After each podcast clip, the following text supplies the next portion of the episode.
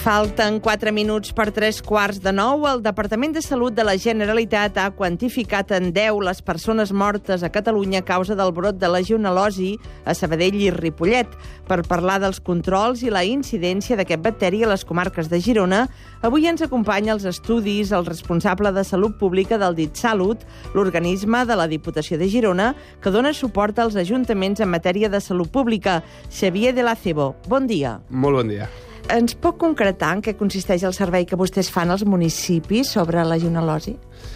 Bé, eh, DipSalut, des de que es va crear l'any 2009 i el primer catàleg 2010, té un catàleg de serveis que va amb la direcció d'ajudar tots els municipis a gestionar aquells riscos que tenen en, en temes de salut pública que són de competència municipal. Un d'aquests riscos, com bé diu vostè, pot ser doncs, la presència de, de legionel·la a les instal·lacions que puguin causar algun cas de legionel·losi. Això sí que m'agradaria aclarir una mica els conceptes presència de legionela i legionel·losi, que a vegades els fem servir indistintament i no és el mateix. Legionel·losi és quan ja tenim afectats, persones afectades per la legionela, i presència de legionela en una instal·lació no, no ens vol, no diu que exactament que tothom, totes les instal·lacions que tenen legionela han d'afectar les persones. Eh? Hi ha instal·lacions que tenen legionela amb unes quantitats i amb unes densitats que no són d'alt risc i que no generen cap cas de legionel·losi. En relació al servei que nosaltres donem als ajuntaments, des del primer any de 2010, com dic, nosaltres, els ajuntaments que tenen instal·lacions de risc de transmissió de la legionel·losi, tal com especifica la normativa, doncs ens sol·liciten aquest programa, que consisteix... Nosaltres anem a la instal·lació, coneixem la instal·lació, els hi fem una descripció exhaustiva de com està la seva instal·lació, quina és l'estructura, quin és el, en quin estat de manteniment es troba. Un cop l'hem conegut, fem la neteja i desinfecció que estableix la normativa, fem les analítiques posteriors a la neteja i desinfecció per veure que aquesta ha estat efectiva, fem un dossier tècnic en el que els indiquem totes aquelles accions de manteniment que han de fer, els registres que s'han de portar, hi ha registres que són diaris, registres que són setmanals, que això seria la part de corresponsabilitat municipal en la gestió de, la, de les instal·lacions, i si veiem alguna deficiència estructural, també hi ha línies de subvenció econòmica perquè els ajuntaments puguin millorar aquestes instal·lacions. I el que és molt important també, en aquests programes hi ha una sèrie de visites d'assessorament, d'acompanyament al municipi, per traslladar aquest coneixement tècnic necessari que, que cal per fer aquesta gestió correcta de les instal·lacions. Per tant, diguéssim, la legionela és força habitual en alguns equipaments. La legionela és un bacteri que es troba de forma natural a l'aigua. que es troba en unes concentracions petites. El que hem de fer és que aquestes instal·lacions no multipliquin aquesta legionela, eh? no donar-li a la legionela les condicions òptimes perquè ella vagi multiplicant-se i arribar a unes concentracions de risc.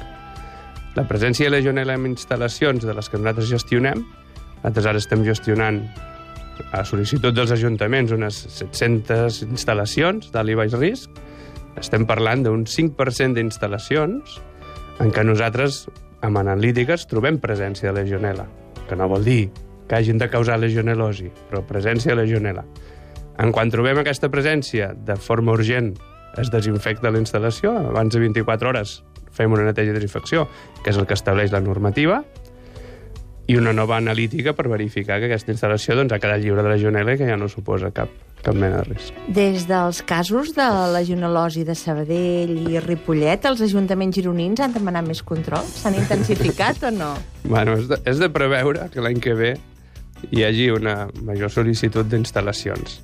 És veritat que des de que nosaltres vam establir aquest programa i el vam oferir als ajuntaments, el nivell de demanda de sol·licituds, de, de, de percepció dels ajuntaments de que tenen instal·lacions que han de gestionar, doncs ha augmentat moltíssim. Eh? Estem parlant que l'any 2010 doncs, estàvem al voltant d'unes 400 instal·lacions, ens sol·licitaven la, la, el suport a la gestió a 400 instal·lacions, i ara estem parlant ja de cap a 700 instal·lacions. En 3 anys els ajuntaments doncs, han entès han percebut que són instal·lacions que s'han de gestionar i, evidentment, s'estan gestionant correctament. Hi ha un gran esforç des del món local perquè això estigui a, a lloc.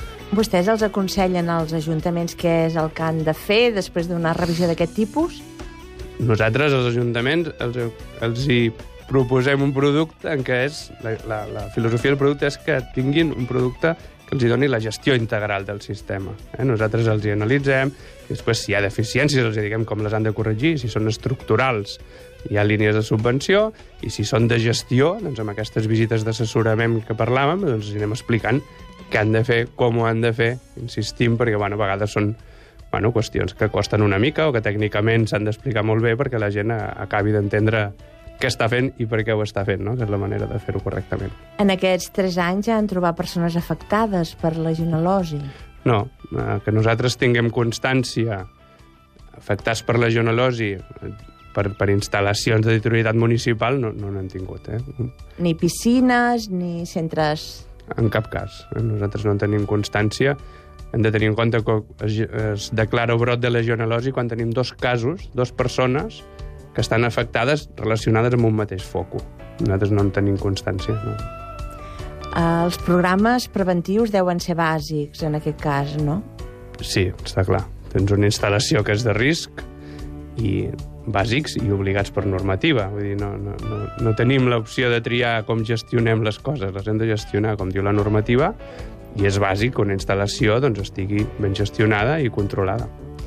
Xavier de la Cebo, gràcies. Doncs moltes gràcies a vosaltres. Ja sabeu qualsevol altre dubte sobre aquest tema o altres temes de salut pública en què puguem ajudar i col·laborar, estarem amb vosaltres. Moltes gràcies, bon dia. De res, bon dia.